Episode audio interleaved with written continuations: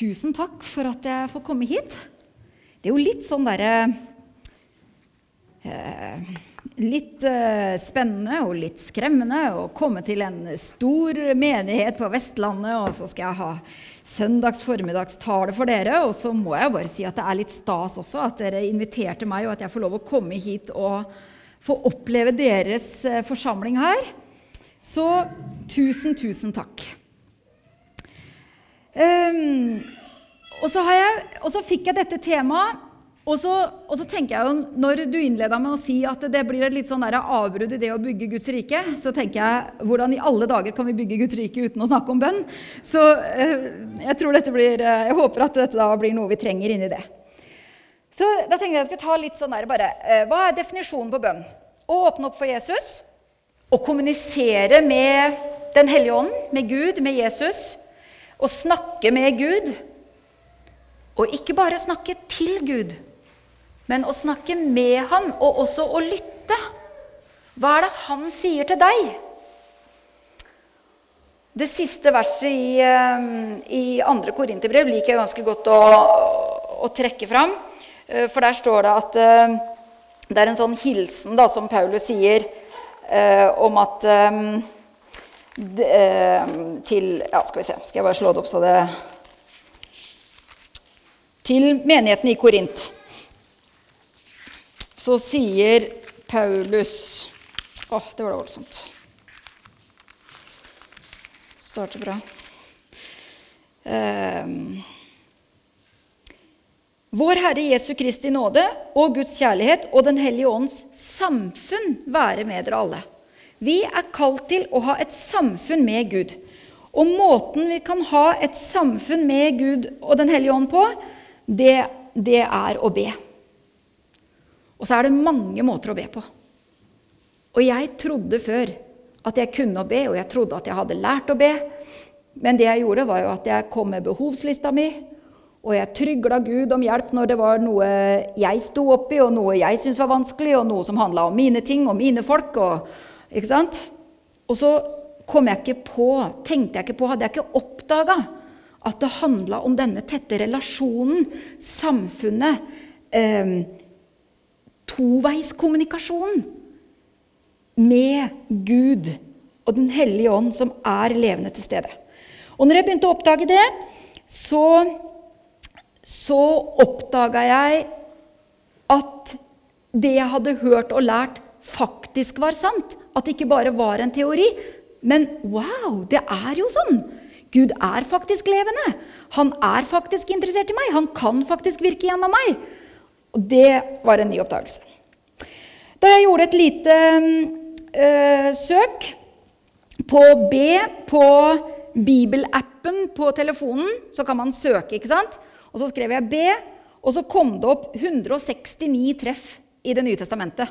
Og nesten like mange i Det gamle testamentet. Og så, og så, har jeg tenkt litt på Det er mange forskjellige bilder og mye vi kan liksom, uh, trekke fram uh, om hvorfor og hvordan og sånn. Og så er det et vers i Efeserne. Uh, der står det at Dere vet dette bildet om at vi er kropp. Alle vi til sammen er en kropp. Kristi kropp med forskjellige oppgaver, forskjellige lemmer. Og så hører vi til på denne, dette, dette, den samme kroppen. ikke sant? Og så har vi hørt dette, Paulus gjør det litt sånn der morsomt med å si noe om at eh, Nå husker jeg ikke akkurat hvilke kroppsdeler han nevner, men, men, vi kan i hvert fall ikke gjøre det på den måten at liksom kneet syns at nesa er veldig rar for at den ikke har samme oppgave som kneet. ikke sant? Så forstår vi at det er jo bare helt Vi kan ikke si det sånn. Vi er én kropp sammen, du og jeg og alle som hører til, som er fylt av Den hellige ånd, som hører til Jesus, som vil følge ham. Og så står det i Efeserne um, 4.15 Så står det Men vi skal være tro mot sannheten i kjærlighet, og i ett og alt vokse opp til Han som er hodet på den kroppen, Kristus. Og når jeg handler og gjør noe med mitt legeme sånn som jeg er, Når jeg bestemmer meg for å gjøre noe med hendene mine, eller når jeg bestemmer meg for å gå en plass med føttene mine, eller når jeg bestemmer meg for noe jeg skal si, så går alltid den avgjørelsen om hodet før jeg gjør handlingen. Tenk om vi kunne gjøre det sånn sammen med Jesus at det jeg bestemmer meg for å gjøre, det går alltid om hodet. Jeg tar det alltid til Jesus. Jeg snakker med han først om det som, som jeg har som jeg lurer på om jeg skal gjøre, eller som jeg Ja. Bestemmelsen skal gå om Jesus. Ikke gjør noe uten å be først. Og jeg antar at her har det vært bedt mye. Det er bønn som gjør at dere vokser. Det er bønn som gjør at det kommer flere til menigheten. Det er bønn som gjør at dere kan komme inn i nye lokaler og ha fått tak i disse fantastiske bygningene med den gamle brannstasjonen. Jeg var ute og så litt i går. Veldig spennende. Jeg ønsker dere virkelig lykke til med det. Og så er det kjempefint det som står her ute. Skal dere bygge en bygning, eller skal dere bygge en menighet? Og det er klart dere skal bygge en menighet. Og det er klart det er Guds rike som skal bygge. Og så, og så er det veldig veldig mange ting vi kan drive med uten å snakke med Gud om det. Vi kan sette opp program, og vi kan lage møter, og vi kan synge sanger, og vi kan arrangere så mye uten å snakke med Gud om det. Men vi kan ikke gjøre noen ting uten, Dere kan ikke gjøre noen ting uten meg, sier Jesus i Johannes 15. Og da mener du jo at det, det, kan ikke bli noe vekst, det kan ikke bli liv, det kan ikke, det kan ikke bli hans verk, det vi driver med. Vi er redskap, og så er det, er det han som, som må fylle det med liv og med seg. Kanskje dere tenker på å starte noen ting. Kanskje det er noen som kommer på en sånn der idé med at å, vi skulle hatt et barnekor her. Kjempefint. Men ikke gjør det uten å be først. Kanskje vi skulle hatt en språkkafé. Ja, flott. Kanskje det er Gud som gir deg den ideen. Snakk med han om det først. Eller kanskje dere går og kjenner på at det, å, det skjer altfor mye. Det er så mye aktivitet. Her er det mye aktivitet og lite liv, var det en som sa, som kom inn i en helt annen menighet på en helt annen kant av landet. Det er mye aktivitet og lite liv. Kanskje det er noe vi må legge ned her. Be over det. Snakk med Gud om det. Noen har lagt ned og vurderer å legge ned det som er bønnemøter. Snakk med Gud om det. Da begynner jeg kanskje å bli litt usikker på om det var Gud som minte deg på det. Men hvem vet? For kanskje er det noe som kommer i veien for Gud. Da er det i tilfelle noe som dere kanskje skal legge ned, da. Og hva er det egentlig som hindrer oss i å be? Og det er, det er litt sånn som med trening eller med andre ting som du trenger å øve litt på. Kanskje pianospilling. Jeg spiller ikke piano, og jeg vet at hvis jeg skulle begynne med det, så måtte jeg begynne med noe veldig enkelt, og jeg måtte begynne helt i det små. Og jeg måtte komme til å øve ganske mye, og jeg tror det hadde vært ganske krevende å komme ordentlig inn i det og bli en habil og helt bra pianospiller. Noe jeg har prøvd, er å trene. Jeg var en liten gutt som kom hjem og sa at uh, han fortalte til mora si at uh, han, måtte, han, måtte, komme hjem nå fordi at, uh, han hadde vært borte hos venninna litt lenger borti gata. Og så hadde mora til venninna sagt at jeg skal på trening, så du må gå hjem nå. Og Så kom denne gutten hjem til mora, som var min gode venninne. Og, og, så sier han til mora si 'Mamma, vet du hva sånn trening er for noe, egentlig?' Det kan man gjerne spørre meg om også. Jeg sto på et treningssenter. Jeg tenkte en gang at jeg må jo trene litt. Og, og da kjente jeg at når jeg hadde trena litt, så var det jo ganske godt å trene. Og så er det ganske godt å uh, ha kommet inn i det sånn at det liksom Da kjente jeg at det, det, er ikke så bra å ikke trene, eller den dagen jeg hopper over, eller sånn. Men uh, ja, for meg så jeg, jeg har ikke fått noe veldig lys over at jeg er nødt til å drive med trening. Men jeg har fått et lys over at jeg er nødt til å drive med bønn. Og det er litt av det samme. Hva er det som hindrer oss i å be? At jeg kommer på så mange andre ting jeg skulle gjort først. Det tror jeg er det første som hindrer oss. Og jeg lurer på om djevelen syns at det er veldig bra at vi er så travelt opptatt med alle disse fantastiske aktivitetene som vi tror at vi gjør for Gud. Og vi, vi gjør jo sikkert det også. Men når vi blir så travle med alle de aktivitetene at vi ikke har tid til å ta den stunda alene med Gud, da har vi et problem. Og så glemmer vi det. Og jeg vet ikke hvor mange ganger jeg har sagt at uh, jeg står og snakker med noen, og så Ja, men jeg skal, jeg skal be for deg når jeg ber i kveld. Eller skal, dette skal jeg ta med når jeg ber. Og så flere dager etterpå så kommer jeg på Å nei, det lovte jeg, ja. Det har jeg jo ikke gjort. Jeg har bare glemt det. Og når jeg ber Når var det jeg satte meg ned for å be, da? Dette var eh, litt sånn der, en kortversjon kanskje av eh, livet mitt. Mm, jeg har vokst opp i et kristent hjem. Eh, mamma og pappa tok oss med på leirer og møter. Og i den lille bygda der jeg bodde, i Tune, der var det husmøter. Og vi var med på disse husmøtene. Og jeg og mine søsken vi var av de eh, veldig få barna som var der. Eller vi var mange nok, vi, da. Så det, når vi var fem stykker som kom der som barn, så fyltes det opp litt. Men det var bare oss som var barn. Og så var mamma og pappa de neste, og så var alle resten av flokken var generasjonen over der. Eh, så jeg har på en måte fått noe inn med morsmelka sånn sett. Og så eh, gikk jeg på Fjelløya, og så ble jeg spurt om å være barne- og ungdomsarbeider i Hedmark. Og så var jeg det noen år, og så var jeg liksom bare Ja, jeg hadde en opplevelse av at Gud kalte meg til det, og jeg var der og, og, og hadde den jobben og, og, tror nok at det har betydd noe. Jeg Vet at det har betydd noe for noen spesielt. Og så, og så hadde jeg en gang en veldig sterk åndelig opplevelse eh, som ca. 21-åring, men jeg hadde ingen å fortelle det til. For det var jo ikke sånn vi snakka om. Og så gikk liksom tida.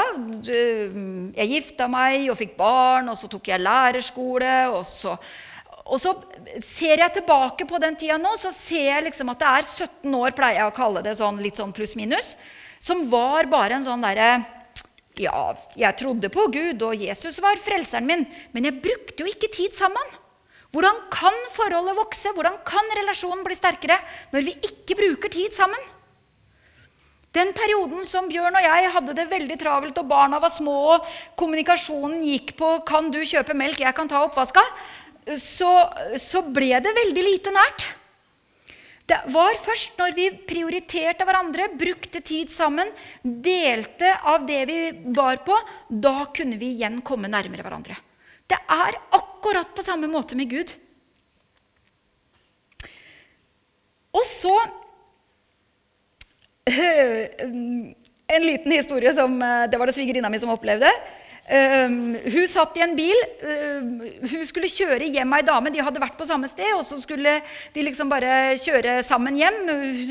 Svigerinna mi kjørte henne andre hjem og skulle kjøre videre. På denne lille biten som de hadde sammen i bilen, så delte de en del liv, og noe var vanskelig. Og litt sånn. Og så sier, så sier svigerinna mi idet hun skal gå ut, at 'Jeg vil be for deg', sier hun. 'Ja, fint', det sier hun. og er på vei ut av bilen. Og så stopper svigerinnen henne, uh, hun dama, ja, min svigerinne, stoppa henne og sier nei, jeg mener akkurat nå. Nå kan vi be. Og det, det er ikke mange dagene siden jeg var på en uh, samling. Vi hadde satt av uh, fire timer til å snakke sammen om arbeid i området der vi var. Vi var medarbeidere og litt sånn der. Og så skulle vi ta en runde og, og dele litt av hva vi sto i, og utfordringer og litt sånn der. Og så og så ble det sagt underveis i den samtalen det der skal vi be for til slutt. For vi skal be sammen før vi skal gå fra hverandre. Og to minutter før møtet var ferdig, så sier han som leda, 'Å, vi skulle jo be'. Hvor mange ganger har dere ikke opplevd det? Tenk om vi isteden kunne Nå har jeg foreslått det, jeg håper vi kan gjøre det på neste møte. At vi isteden, når én har delt, så ber vi der og da. Da er vi i hvert fall sikre på at det får vi gjort. Og så kan neste dele, og så ber vi for det. Der og da. Og så kan neste dele, og så ber vi for det der og da. Og tusen takk. Nå skal jeg løfte fram. Jeg har hatt det veldig hyggelig hos Sissel og Morris nå i to dager. Og så kom det en SMS i går med et bønneemne. Og så ber Sissel der og da. Akkurat sånn vil jeg det skal være. For da gjør vi det. Da blir det gjort. Da går det ikke i glemmeboka. Da blir det ikke noe som vi utsetter til vi er ferdig med alt det andre. Det er så mange andre ting som tar oppmerksomheten. Det er så fort gjort å tenke at alt dette andre er så mye viktigere. Eller at det i hvert fall er så viktig. At jeg må i hvert fall få gjort det. Og så blir det veldig ofte sånn at det som er aller viktigst, det glemmer vi mot det som er viktig. Det er faktisk bare du Og det Jeg har ikke lyst til at dette med bønn skal skape dårlig samvittighet. Jeg har ikke lyst til å legge på dere en aktivitet til som liksom bare Åh, dette blir en byrde, og dette må jeg ha tid til, og dette vet jeg ikke om jeg orker. Jeg har lyst til at dette skal være en invitasjon. Jeg har lyst til at du skal se at Jesus har enda mye, mye mer i dette skattkammeret som ligger i denne tette relasjonen sammen med han. Og så, og så tror jeg at det er bare du sjøl som kan hindre bønn. Djevelen kan lokke deg til det, men han har jo ikke mer makt enn det du gir han. Um, og det står, det står jo i et vers ikke gi djevelen rom. Og kanskje det er noe her. Jeg overhørte at noen sa om meg i en setting. Ja, dette er Tove, eller og der er Tove, eller hun er et bønnemenneske. Og så skvatt jeg liksom litt, og så tenkte jeg å, er jeg et bønnemenneske?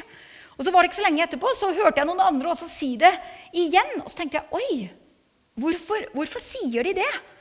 Og jeg tenkte et bønnemenneske de som jeg har hørt om som er sånne bønnemennesker, de er introverte, de liker seg i sitt eget selskap, de er veldig hjemmekjære, ikke veldig sosiale og prater ikke veldig mye.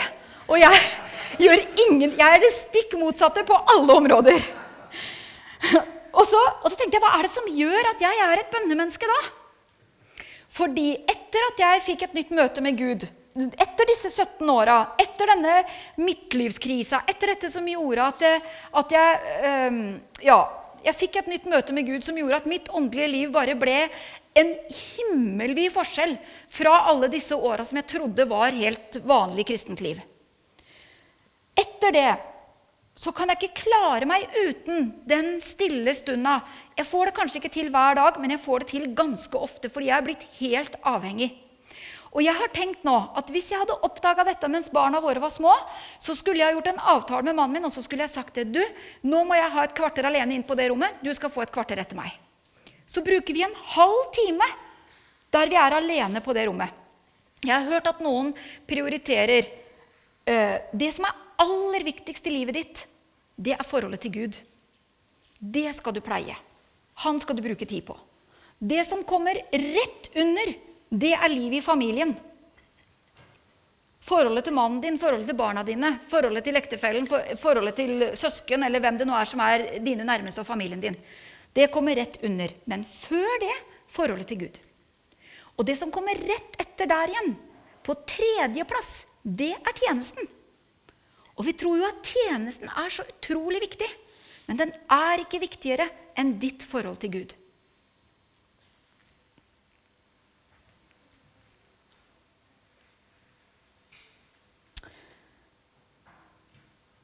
Marie Monsen har vært en stor inspirasjonskilde for meg. Og jeg tenker, og de bøkene som hun har skrevet Jeg har ei av de her. 'Vekkelsen ble en åndens aksjon'. De er fortsatt i salg. Vi har bøker til salgs her i dag på et bord bak der. Eh, og bøkene til Marie Monsen er der.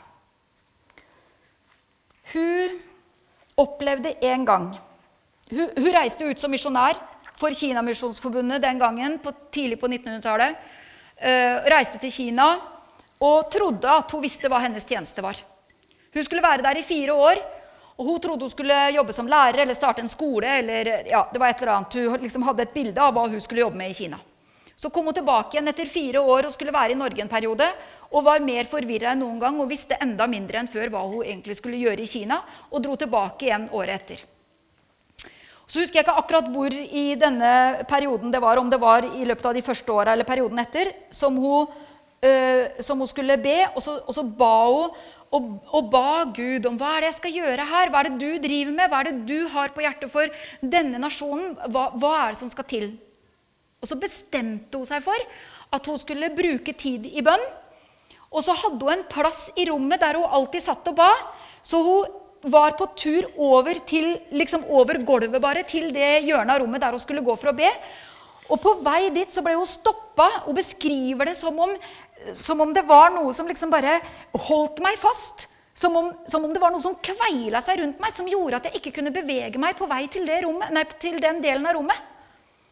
Og så skjønte hun ah, det er fordi at det å be om det jeg skal drive med akkurat nå, det er så viktig at jeg blir forsøkt stoppa. Og så ba hun om å bli løst i Jesu navn, og så, skjønte hun, og, så, og så, ble hun det og kom seg til den plassen der hun skulle be og ba, og skjønte at her har Gud noe på gang. Og så går det 20 år som hun jobber, reiser rundt i Kina, snakker med folk. Og så, og så skjer det endelig vekkelser. Og noe av det det begynte med, det var at hun gikk til pastorene i de husmenighetene som var rundt i Kina der. Så plutselig så kom hun på at hun måtte spørre denne pastoren tror du på Gud. Og, så, og pastoren skjønte ingenting. Om jeg tror på Gud? Hva er det for slags spørsmål? Ja, selvfølgelig, sier han. Ok, sier hun. Men er du gjenfødt? Og da visste han ikke hva han skulle svare. Og så sa han ok, finn ut om du er det, og så kommer du tilbake og forteller meg det når du vet det. Dagen etter så kom han tilbake jublende glad og sa han, jeg vet det. Jeg er gjenfødt. Ok, sier hun. Hvordan vet du det? Og så sier han jo, fordi at uh, før så, jeg, så, så, var det mennesker jeg hata. Jeg hata misjonærene, jeg hata utlendingene. Jeg, jeg, jeg var ikke noe begeistra for Det var så mange ting som jeg ikke likte. Men nå elsker jeg det. Nå elsker jeg alle menneskene. Nå elsker jeg misjonærene. Jeg må være gjenfødt, fylt av Den hellige ånd. For jeg kunne ikke gjøre det på den måten. Jeg kunne ikke elske alle på den måten som jeg gjør, uten, uten det.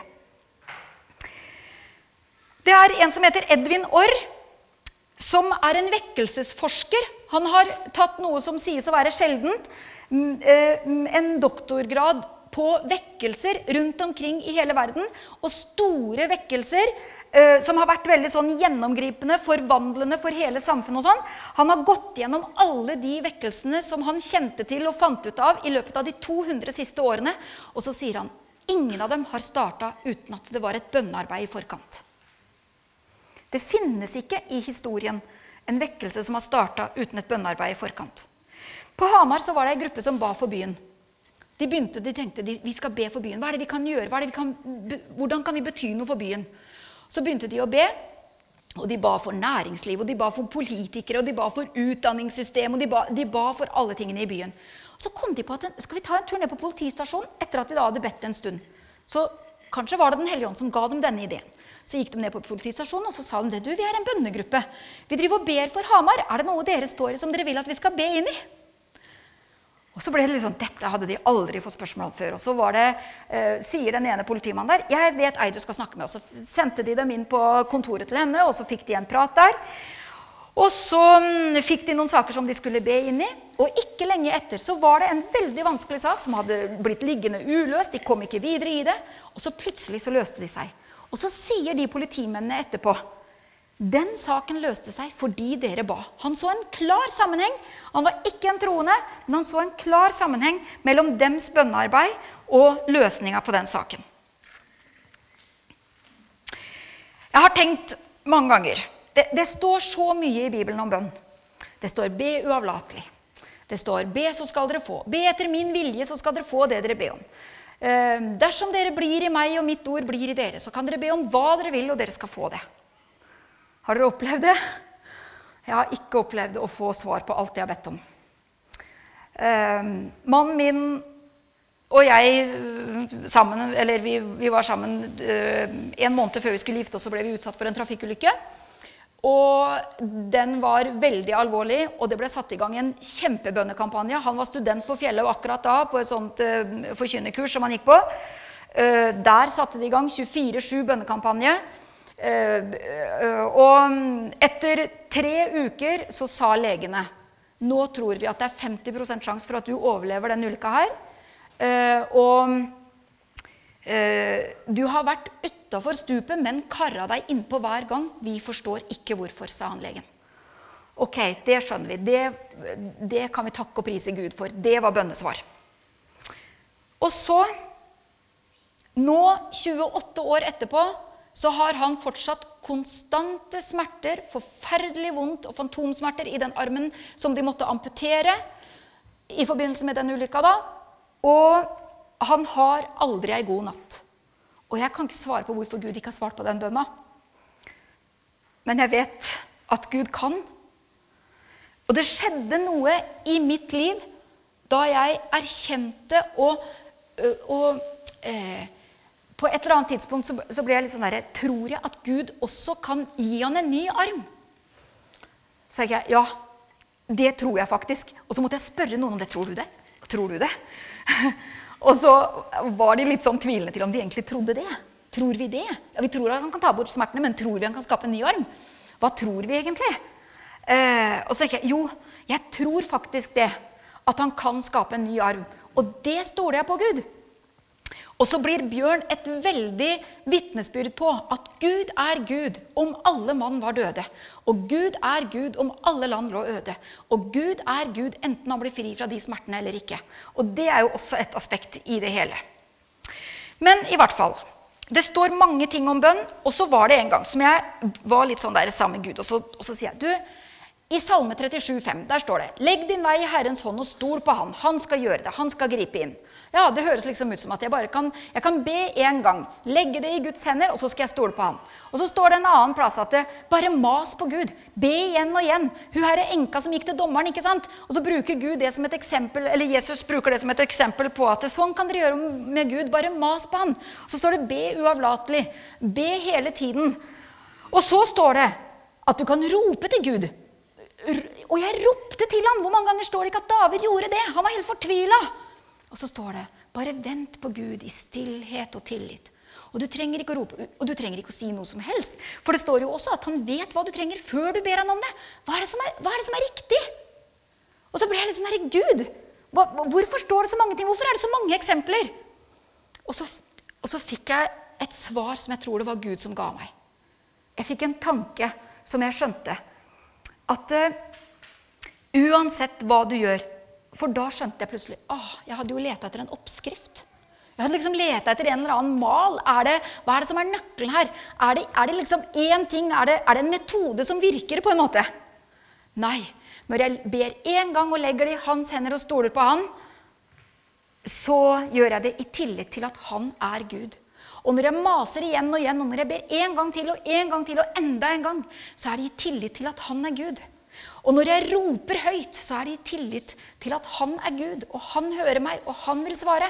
Og når jeg bare er helt stille og egentlig ikke sier et ord, men bare vil sitte der og være sammen med han, og Gud, du ser hva som ligger i hjertet mitt Jeg vet ikke om jeg klarer å si noe mer enn det. Så er det i tillit til at han er Gud. Uansett i tillit til han.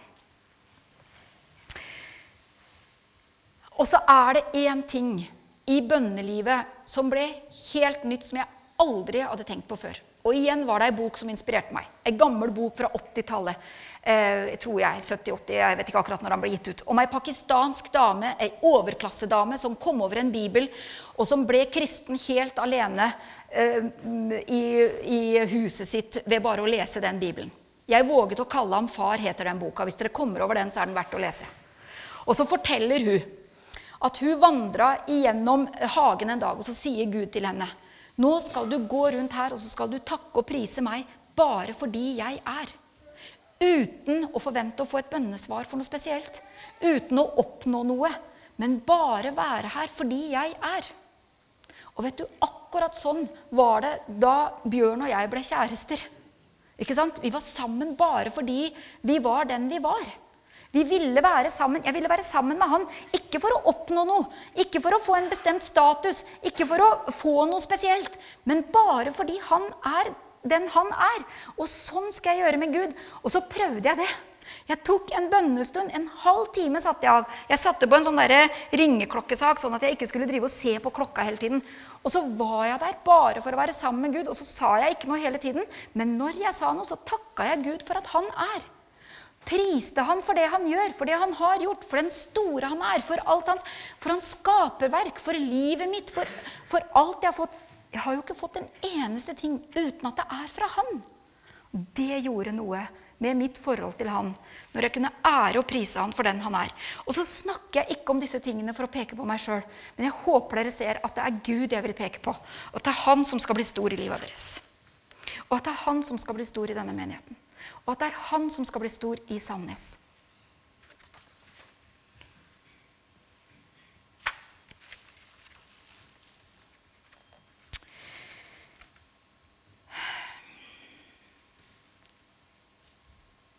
For um, fire år siden så fikk jeg en visjon. Jeg så plutselig for meg et uh, bilde. Jeg uh, nei, et, det var et ord som begynte å liksom litt, uh, kverne, mener jeg, kverne litt i tankene mine en periode. Og det ordet var nettverk. Så liksom nettverk var et nettverk. Et edderkoppnett eller et fiskenett eller ikke sant? noe sånt som er sånn bundet sammen av masse, masse tråder. på en måte. Og så spurte jeg Gud om, om, det var noe han prøvde å si til meg. Og så, uh, ikke lenge etterpå, så gikk jeg ut i hagen hjemme, og så fikk jeg se et sånt edderkoppnett.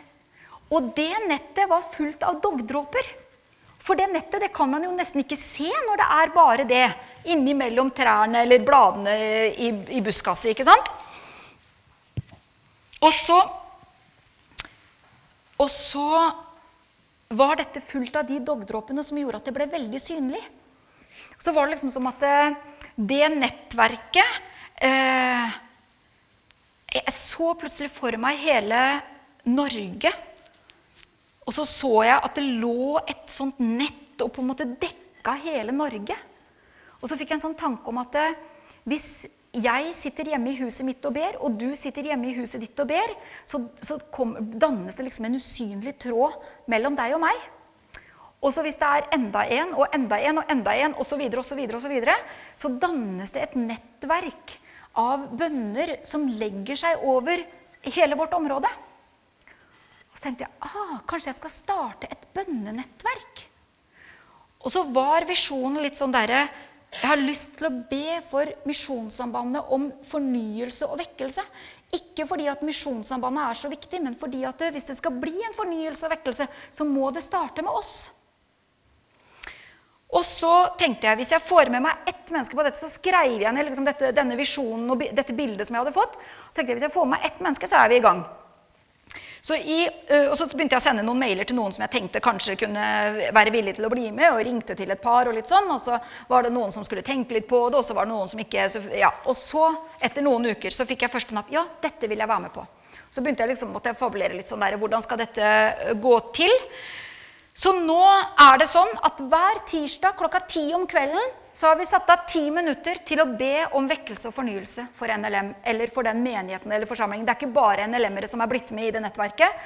Så jeg sier for din menighet og din sammenheng og dine ledere. Og så sender jeg ut en mail hver tirsdag til alle som har gitt meg mailadressa til det, og som vil være med på dette nettverket. Og så er det da øh, ja, Nå er det 130 cirka som får den mailen jeg sender ut, og så blir den sendt videre av andre, og så aner jeg ikke hvor mange mennesker det er som sitter og ber akkurat da klokka ti. Men det vet Gud. Og så håper jeg at en dag så skal det bli en veldig fornyelse og vekkelse, der vi opplever ting med Gud som vi bare ikke kan la være å snakke om. Fordi at når Han blir stor i livet våre, da kommer det til å tyte ut til de vi omgås nabolaget, byen, venner, kollegaer, hva det måtte være. Hvis det er noen av dere som har lyst til å bli med i det bønnenettverket, så kan dere komme til meg med mailadressa deres etterpå. Så skal jeg legge dere til. Og helt til slutt så skal jeg bare lese et annet bibelvers. Vær ikke bekymret for noe, men legg alt dere har på hjertet, fram for Gud. Be og kall på ham med takk. Takk, kjære Gud. Tusen, tusen takk. Takk for at du er. Takk for at du lever. Takk for at vi får kjenne deg. Takk for at vi har fått møte deg, Gud. Takk for at du er så utrolig interessert i å ha dette tette forholdet med hver og en av oss. Og jeg ber deg, Gud, om at du må komme med din ånd og røre ved oss og tale til oss og vise oss synda vår og vise oss hva som hindrer ditt verk. Og hjelpe oss til å ta oppgjør med det og hjelpe oss til å, til å bare leve tett, tett med deg, i enhet med deg, Gud. Og jeg takker og priser deg for denne forsamlingen og, og, for alt det som de står foran nå, med de nye lokalene og det nye, alt det nye som skal skje i Sandnes ved denne forsamlingen. Gud, jeg priser deg for de planene du har. Og jeg ber deg, Gud, må det bli åpenbart for dem, sånn at det, alt det som du har tenkt for Misjonssalen i Sandnes og for Sandnes, at det må bli virkelighet, Gud. Fordi du er stor, og fordi du får slippe til. Og fordi de søker deg og går til hodet på denne store kroppen med alt som ligger dem på hjertet. Så får de se hva som er på ditt hjerte, Gud. Takk, kjære Jesus. Takk, Hellige Ånd.